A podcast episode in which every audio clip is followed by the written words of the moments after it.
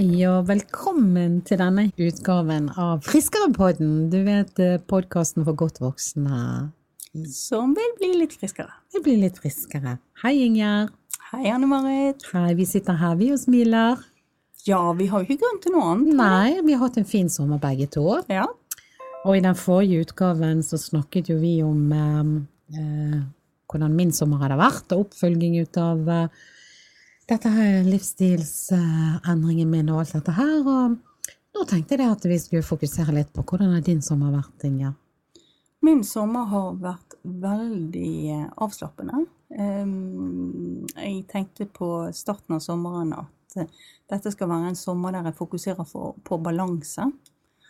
Uh, balanse i aktivitet og hvile. Absolutt hvile. Bare ligge i hengekøyen og lese en bok. Og innimellom gå tur og jobbe i hagen. Det har vært mye jobbing i hagen. Ja, for det, du, jo, du, er jo blant de heldige som Du har jo lang ferie denne sommeren.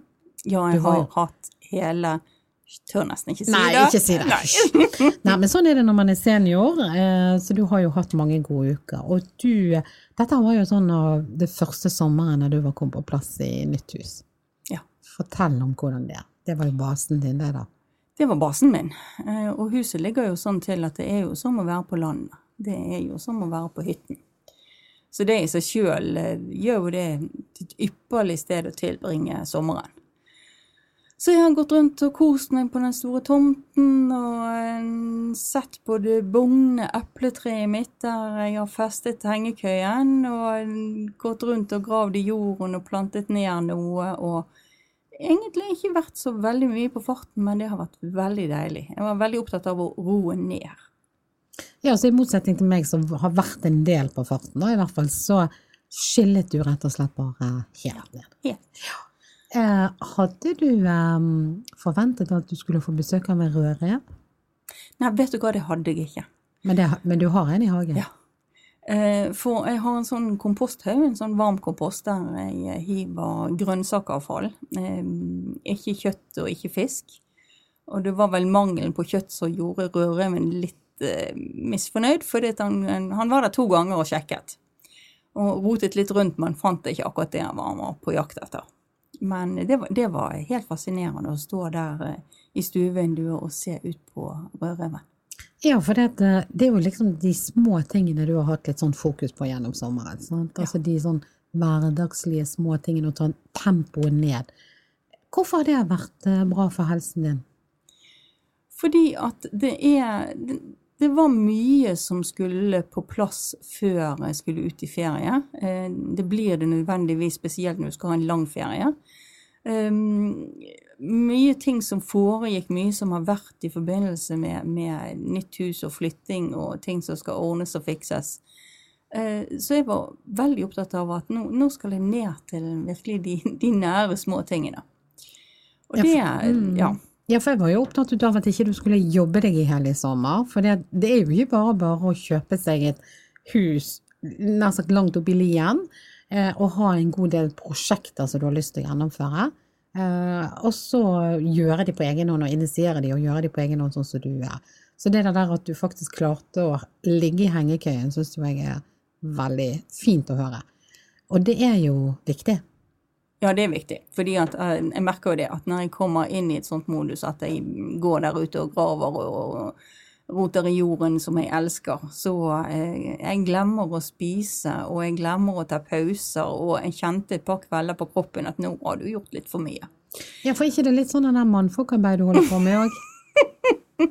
Vet, jeg skiller ikke mellom kvinnfolk og mannfolk. Ok, men du, men du holder på med store trestubber og, ja, og steiner og bærer, og du har jo verdens verste bakke opp til huset ditt, ikke det sånn? Jo, men nå har jeg eh, fikset eh, kjøreveien opp til garasjen ganske bra. Ja, Hva har du gjort? Eh, nei, Jeg har kostet vekk løs grus. Eh, raket og kostet vekk løs grus, sånn at du ikke spinner på veien opp. Um, så uh, har jeg åpnet opp noen grøfter for å få vannet til å gå der det skal, og har hatt stor suksess med det. Og så har jeg innsett min egen begrensning. Wow! Få høre! det, var, det var nytt. Det var nytt. Eh, nei, jeg har innsett at den oppgangen fra garasjen og opp til huset må jeg ha hjelp til. Så Ja. jeg har kontaktet en sånn anleggsgartnerfirma eh, og bedt de se på og komme med et tilbud, rett og slett. Hurra, hurra, hurra. Du, eh, jeg må jo bare si det, Inger. Eh, fordi at eh, lytterne, Vi har jo snakket litt om at du kjøpte denne eh, drømmeeiendommen din eh, tidligere i vår. Eh, men for nye lyttere så må jo du på en måte fortelle litt om eh, dette stedet der ingen skulle tro at noen kunne bo. Ja, altså jeg hadde besøk av brannvesenet på lørdag når jeg sto i hagen. Ok. Eh, de var rundt en runde, sikkert fordi at det var meldt tordenvær eh, i Bergen. Så sånn for sikkerhets skyld. Og da hadde de eh, plutselig sett Nei, men der oppe ligger jo et hus. så de kom nå kjørende opp, og jeg måtte fortelle hvordan det var med vanntilførsel osv. Wow, men kom de med en brannbil opp de svingene til deg? Nei, en liten bil. En liten bil. Ja, Eh, ikke en stor brannbil. Nei, nå så jeg nesten, altså nå satt jeg nesten og gapte her i stund. Ja, for det, altså det som er poenget, det er jo det at du har jo Du ligger ganske høyt oppe, Ja. og det er selvfølgelig, det borger jo for at du har en kjempefin utsikt og utsyn og alt dette, men det er jo en lang vei opp, sant, og den er litt svingete og sånn. Bratt. Ja, Vet, du, vet du hvor bratt den er? Altså hva slags Nei, nei. helning er det? Er det liksom sånn 10 helning, eller er det 2 eller er det 20 Det vet jeg ikke. Jeg har faktisk tenkt på om dette gikk an å måle, men, men det er ganske bratt. Det er på kanten av det du klarer å, å kjøre med en vanlig bil. Men brannbilen kom opp? Ja, ja. Det, Så- det så jo, jeg kommer opp med min bil også. Ok, så hvis noe skjer deg der oppe, så kommer sykebil Ja. opp og henter deg? Ja. Ja. Men han kommer ikke helt opp, for du har ikke vei helt opp. Nei. Og det er det, det, er det vi snakker om, sant? fordi du kjører oppover og oppover, opp- oppover til du kom der, opp til garasjen din, og så må du gå opp til huset. Da. Mm. Ja. Ja, fortell litt om den veien, da. Nei, den veien er jo blitt litt maltraktert av eh, en god del regn i det siste, da. Um, så der må jo lages noen trapper, og det er det disse anleggsgartnerne skal hjelpe meg med. Ehm, sånn at det blir trygt, først og fremst trygt til eh, vinteren. At det blir trygt å gå, at det blir behagelig å gå, eh, og eh, at folk kan komme på besøk uten å ha på seg turstøvler. Altså Når vinteren kommer, så blir du isolert der oppe, for ingen tør å komme. Men hva tenker du? altså Du har jo hatt en fin sommer, og det har vært fuglekvitter og grønne enger og, og trær, og det har vært nydelig. Jeg har jo sett noen bilder, og jeg har jo vært eh, og, og sett der du bor. Så det er jo et paradis på jord når det er sommer. Men har du, når du har lagt i hengekøyen, har du tenkt litt på hvordan eh, det kommer til å bli når høststormene kommer inn, og når vinteren Ja, de kommer til å ruske godt. Eh, men, men du må huske at eh, når jeg var på visning i dette huset, så var det i november. Og da jeg kjøpte det, så var det slutten av februar. Eh, så jeg har vært opp og ned den veien noen ganger på eh, klink is. Og, så ja, jeg, jeg vet litt om Du, hva jeg ja, går du skremmes, ikke, skremmes ikke ut av det. Nei, for jeg tenker at mye av det som vi ser på hindringer, handler om å planlegge eh, og ta tiden til hjelp. Ja, for det, meg og deg, eh, det har ikke vi snakket om her i podkasten, men det kan jo vi nevne litt om. Sant? Vi var jo ute med en som vi kjenner i Bergen by. Eh, og eh, vi diskuterte litt dette med, med eh, hva statistikker sier om eh, og råd og vink til eldre da, i forhold til hvordan de skal innrette seg på sine eldre dager. Og da går jo det på dette her med å, å bo såpass fornuftig at du kan bo lengst mulig hjemme. Og vi hadde jo da en veldig hyggelig lunsj. Eh, helt frem til det smalt litt. Og hva var det som smalt? Nei, det som smalt, var jo det at um, du fortalte egentlig veldig positivt og, og, og, om det valget som jeg hadde gjort. Og jeg fikk mitt pass påskrevet at det var kanskje ikke det klokeste her i verden. Um, så ja, en, en god del har jo kommet og vært litt sånn skeptisk, og, og har du noe tenkt over hvis sånn og sånn og sånn skulle skje. Uh, mens de som eh, har vært litt mer kloke, de, de har f.eks. sagt at ja, men du er ikke gift med et hus. Uh, du kan jo flytte til et annet sted hvis den situasjonen skulle oppstå. Uh, og mitt argument er jo at, at jeg bor sånn, det er jo med på å sørge for at den situasjonen ikke kommer til å oppstå. Ja, for det at du har jo dette fokuset, og det ble jo òg en diskusjon rundt denne, denne lunsjen, da. Eh, Du har jo faktisk et helsefokus med dette her bovalget ditt. Det har jeg. Fordi at du kunne jo, hvis du ville, kjøpt en liten leilighet i Bergen sentrum. Ja. Eh, Men istedenfor så har du valgt å bo utenfor sentrum, og litt utilgjengelig, litt sånn oppe, men veldig landlig og veldig fint. Um, og det er jo nettopp fordi at du tenker at du faktisk kan leve lenger, du, med å bo på denne måten. Ja, det er helt riktig. Og, og hvis vi tenker nå litt på um, en gjest som vi skal ha i en senere podkast, som snakker litt om dette med, med um, en sånn livshjul. Altså rett og slett hva er dine verdier, hva er viktig for deg, og, og hvor mye tid bruker du på det. Så har det mer og mer gått opp for meg at dette med nærhet til natur um, er en veldig viktig Natur er en veldig viktig verdi for meg. Ehm, og så er det det kombinert med helse. Det er så mye forskning som viser at eh, det å ha en form for fysisk aktivitet hver dag, det er bra både for hode og kropp. Ja, så når du ble bedt om å ta en realitetsorientering fordi at du er 66 år, eh, og du har ikke mann, altså du bor alene, eh, så tenker jo du at realitetsorienteringen det går rett og slett på altså For det første er det et verdivalg for deg, dette her. Ja, det Og det. å leve på tvers ut av, eller trosse verdiene, det, det kan jo i verste fall gjøre en sjuk. Ja. Eh, og det andre er jo faktisk denne fysiske fostringen som du får. Eh, og det er jo klart at um, Så det er jo på en måte det som er driveren din her. Mm. Kan få kjenne på bicepsen min. Ja, jeg ser deg, ja. Du har jobbet gjennom sommeren. Men det, men det er kjempefint. Så, så eh, vi ønsker jo deg egentlig bare lykke til. Og jeg gleder meg til å komme på et nytt sommerbesøk. Jeg var jo der når det var isete og vinter, og jeg har så vidt sett når du kom på plass. Eh, Så jeg gleder meg til å komme opp og håper du ikke har tatt ned hengekøyen før jeg blir invitert på en eh, kopp kaffe. Nei, du skal få eh, ligge litt i hengekøyen Deilig. og nyte utsikten. Deilig, det Mm. gleder jeg meg til. Du, Inger. I denne podkasten her så um, skal vi snakke om faktisk en sykdom og en diagnose som veldig mange i Norge får. Både diagnostisert og faktisk ikke diagnostisert, og det er fibromyalgi. Um, vi har skrevet en artikkel om det. Kan du fortelle litt, hva er fibromyalgi? Ja, det er fremdeles litt ukjent eh, område også for leger og forskere. Man vet litt mer nå enn det man gjorde før. Det er en kronisk smertetilstand. Um, der du har smerter som ja, de kan oppstå um, gradvis, eller de kan oppstå plutselig. Uh, på uh, mange steder i kroppen, og så kan de flytte seg rundt, og så varierer de i en, intensitet. Um, noen blir kvitt det, eh, andre må leve med det som en eh, kronisk sykdom. Altså noen kan få midlertidig fibromyalgi Ja. og bli kvitt det? Ja. Ok, De blir i hvert fall kvitt symptomene. De blir kvitt smertene. Altså, smertene forsvinner. Av seg sjøl brenner de ut, eller får de en Ja. eh, behandling, eller? Nei, det er jo lite behandling mot det, annet enn å, å dempe smertene. Som, altså Vanlige smertestillende virker ikke så veldig godt, men, men det hjelper at du f.eks. sørger for å få god søvn.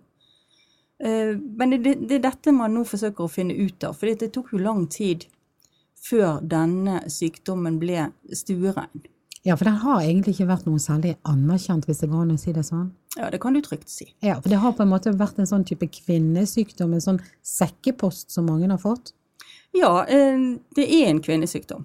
Eh, 90% av de som får fibromyalgi, er kvinner. Ok. Det i seg sjøl er jo interessant. Eh, For hva er det det henger sammen med? Det, det vet man heller ikke fullt ut. Eh, Men nå foregår det i hvert fall forskning på et annet nivå enn det det gjorde tidligere. Så, men i og med at 90% av kvinner får det, altså det er 10% menn av de som får det, som Mm. Ja. er Ok, eh, men eh, forskningen sier ingenting om hvorfor det er så mange kvinner? Man vet ikke det ennå. Man, man er kommet så langt at man, som med de aller fleste lidelser, at du har en medfødt sårbarhet.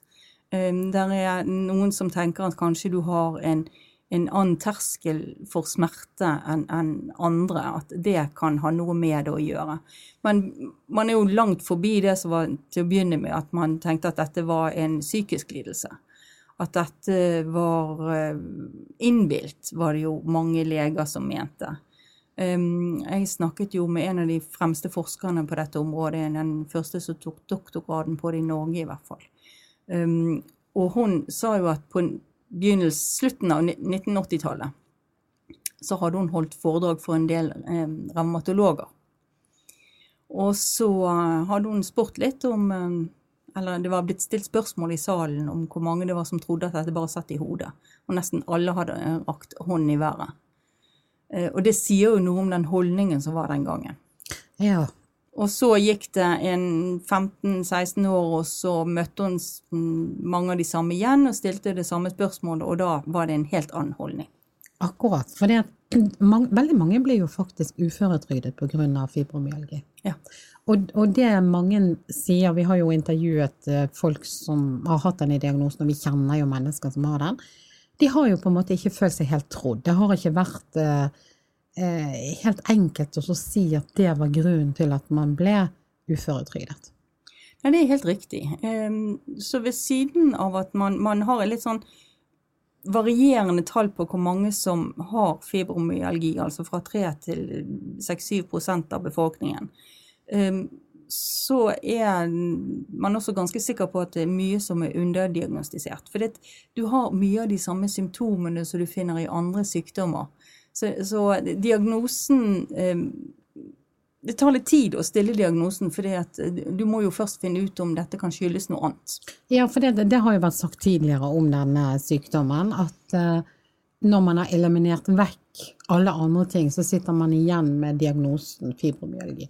Men sånn er det vel ikke lenger? Nei, sånn er det ikke. Altså nå, nå, det, det, har vært forskjellige måter å stille diagnosen på. Der kom eh, objektive diagnosekriterier i 1990. Det var første gang.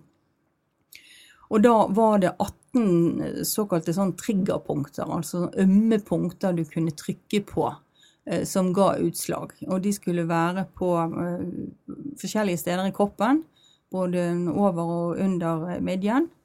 Um, så gikk man vekk fra det. Eh, så hadde man en stund litt sånn mer generelle kriterier, og nå er det på en måte begge deler. Nå er det triggerpunkter, men det, du teller ikke antall punkter lenger. Og så er det eh, seks sånne diagnosekriterier som du eh, bruker. Hva, hva, vet vi om Hva er de diagnosekriteriene i dag, da? Det er bl.a. at du har en, gjerne en utmattelsestilstand. Um, du kan ha konsentrasjonsproblemer, eh, problemer med hukommelsen. Uh, det at du sover dårlig, det er det mange som gjør. Og det, det kan man jo forstå. Når du har smerter hele tiden, så, så, er det jo ikke så lett å sove. Men en del sier at de føler seg trøttere når de våkner enn uh, når de la seg. Um, depressive symptomer, det igjen følger jo ofte av at du har en uavklart helsetilstand. Så kan man jo lett forstå det at du sliter med, med angst og depresjon. Irritabel tarm og, og eh, hodepine. Ja, for jeg har sett en del interessant forskning som på en måte i større grad ser at det er samsvar mellom nær sagt mageproblemer eller tarmproblemer og fibromyalgi. Og fordi at tarmen vår er jo full av bakterier, ikke sant. Og heldigvis er jo det sånn at det forskes mye mer på tarmflora og den betydningen det har for helsen. Um, for det er jo riktig det at det, det, det er en del forskning på dette nå, sant? Som, som, i hvert fall ser en sammenheng, selv om man ikke helt fullt ut kan sette to streker under det. Altså Det vi er sikre på at det er en sammenheng mellom, det er jo hva du spiser. Uh, uten at man kan sette fingeren på noen sånn spesiell sort mat. Men det å, å holde seg til vanlig sunn kost er jo det som blir anbefalt. Men spesielt det med søvnmønster. Det blir trukket frem som en viktig ting du kan gjøre sjøl for å få det bedre hvis du har eh, fibromyalgi. Ja, for det er de, eh, de diagnosekriteriene som du nå fremmet, det er ikke de som på en måte medfører at man får fibromyalgi? Nei, det, det, er mer det, sånn man diagnostiserer det? Ja, for det, ja. vet man ikke. man vet samtidig, ikke hvor det kommer fra. Nei, men nei. samtidig så vet man at har du et dårlig søvnmønster, så er du i risikosonen for å få fibromyalgi. Okay. Eh, det de vel eh, begynte å bli enige om, det er det at du, de som har fibromyalgi, har tegn på å leve i en sånn em, konstant stressituasjon. Eh, sånn fight and flight-mode, på en måte. Okay. Mm. Eh, og at det kan være med på å utløse det. At du går i en langvarig, eh, stresset eh, livssituasjon. Ja, for at jeg forstår det sånn at uh, eh, forskere nå ser på altså Der man tidligere har tenkt at dette kanskje handlet om å ha vondt i muskler, for eksempel, at det er faktisk ikke det det handler om. Nei, og, men så samtidig så, så vet de også det at har du allerede en sykdom fra før som medfører en smertetilstand, så er det også en, faktor som kan virke inn på at du har eh, lettere for å få en fibromyalgidiagnose. Så, så nå åpnes det mer opp for at du kan ha flere ulike diagnoser. Du kan ha en leddgiktdiagnose og en fibromyalgidiagnose eh, samtidig. Ok. Hva, hva sier de eh, forskningen i dag da i forhold til dette med hvis du har opplevd traumer eller mye psykisk stress eller livskriser og sånn? Det er jo blitt pekt på at det kan være medvirkende til at du faktisk får en sånn diagnose. Ja, det er jo det som jeg var inne på tidligere, dette med at eh, det er et kjennetegn eh, blant de, og det har kanskje også noe med å gjøre at det er så mange kvinner. At eh, det er personer som, som er generelt sett eh, har en stresset hverdag. De opplever mye stress. Og, og det trenger ikke å være stress, fysisk stress, men det kan Nei. være mentalt og psykisk stress. ja, ja, ja. ja det, er det, det er det de peker på. Ja. Ja. Ja. Mm. Så, så når du har fått diagnosen, så er jo en av de tingene som det da pekes på, det er jo at du uh, Dette med aksept. Det gjelder jo egentlig alle diagnoser du får. Du må akseptere at, at uh, jeg har den diagnosen. Uh, og så lære å ta hensyn til deg sjøl. De begrensningene som måtte ligge der. Ja. Fordi at du har faktisk gode og, gode og dårlige dager. Ja, og du må eh, annet passe på å eh, hvile hver dag.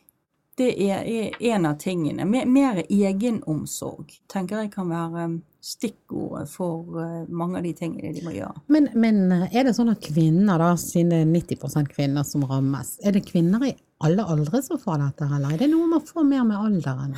Altså det er en- De første symptomene viser seg som regel sånn mellom 40 og 60 år. Altså når du, når du er voksen og godt voksen. Eh, Men som med alt mulig, så, så kan all, aldersspekteret kan jo, Du kan jo få fibromyalgi når du er yngre også. Ja. Men det er mest vanlig hos, Ja, liksom- voksne. ja, men det er ikke en sånn gammelmannssykdom? Nei. Nei. Nei. Så, og, og det begynner et eller annet sted, og så utvikler det seg og blir verre inntil man får liksom diagnosen, og da, da har man diagnosen. Altså det begynner et eller annet sted. Ja, eller det, det utvikler seg, eller det kommer brått. Og det kan komme brått òg. Ja, det kan komme brått òg. Og mange tror jo at de har en eller annen form for alvorlig infeksjon fordi at de har så eh, store smerter. Men det er jo ingenting som viser seg på noen blodprøver Nei, eller noen akkurat. ting. Så man tenker at nå er det noen betennelsesreaksjoner eller et eller annet, og så er ikke det det man finner, og så blir man utredet, og så kommer man til Ja. Ja, og så kan jo det også medføre at du, du går og venter ganske lenge før du går til legen.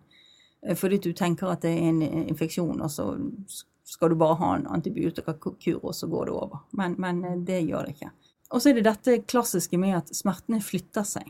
Det er også litt spesielt for fibromyalgi. Altså den, den vandrer rundt i Mm. kroppen. Mm, rundt i Kan, kan du sammenligne det med når du får influensasymptomer og sånt, for da har jo du ofte sånn vandrende vondt. Er det, Ja, det man, er det det man Det, noen beskriver det som influensasymptomer, men, men jeg, sånn som jeg har oppfattet det, um, så er det mer tydelig at smerten flytter seg fra et sted til et annet. Um, og dette at han kan variere i styrke. Og hos noen uh, forsvinne helt. Det er ikke noe medisin som man bare Nei. kan ta. Det er ikke en pille man kan ta, og så blir man kurert eller frisk. Nei. Også, og, og som nevnt, altså du kan, du kan bli frisk av deg sjøl i den forstand at du har ikke lenger fibromyalgi-symptomer. Men hva er det de gjør som kommer der? De gjør ingenting spesielt. Det bare forsvinner ut av seg det, selv? det forsvinner. Du brukte ordet 'brenner seg ut'. Det går, går kanskje an å si det, at, at sykdom brenner seg ut. Men, men her er altså Det er fremdeles en ganske ukjent sykdom. Ja, det er fremdeles Um, gåtefullt. hører ja, For, det, man, ja, for man har jo snakket om denne sykdommen som at det er en gåte hva det er for noe. Og selv om man er kommet lenger nå i forståelsen ut av hvordan ting kan henge sammen, så er det mye gåtefullt med det, rett og slett. Det er det. Vet vi noe om Er det stadig flere? Altså har det vært en økende tendens til at eh, folk får fibromyalgi? Nei, det, det vet jeg faktisk ikke. Men um, det hun uh, revmatologen som jeg snakket med, ehm, Karin Øyen Forseth, hun eh, var tydelig på at det, det, var mange som gikk rundt og ikke hadde fått diagnosen, som burde ha den. Eh, og det var en del som burde hatt ytelser fra Nav, som ikke fikk det. Fordi de ble, det er fremdeles en del som, som blir mistrodd. Fordi du kan ikke ta noen prøver, og, og du ser helt frisk ut. Eh, og det virker litt sånn Når jeg trykker på deg, så har du vondt der, ja vel. eh, det lever i, i, om ikke i beste velgående, så eksisterer den holdningen fremdeles, dessverre.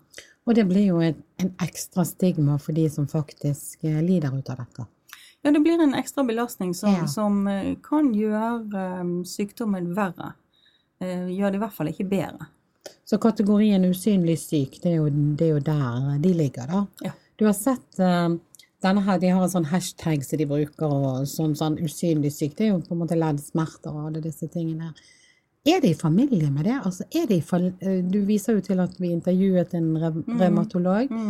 Mm. Så fibromyalgi er på en måte i familie med revmatisme og leddgikt og Atro, altså den kan, kan, kan, du si noe om det? Mm, nei, altså av det som jeg har lest meg til, så er det ikke klassifisert som en revmatologisk lidelse. Men på den andre siden så er det jo som du sier, ja, det er revmatologer som ofte har um, utredningen. Uh, og um, Revmatologforbundet um, har jo en egen informasjonsside om fibromyalgi.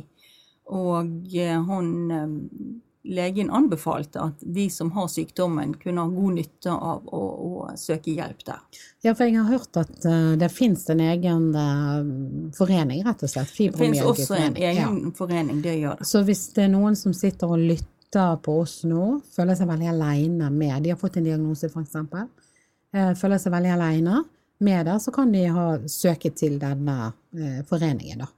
Eller de, de, kjenner på disse uh, symptomene og har hatt det i mange år, og legen finner ikke ut av det. Så kan de få hjelp og støtte ved å, å snakke med andre som har erfaring.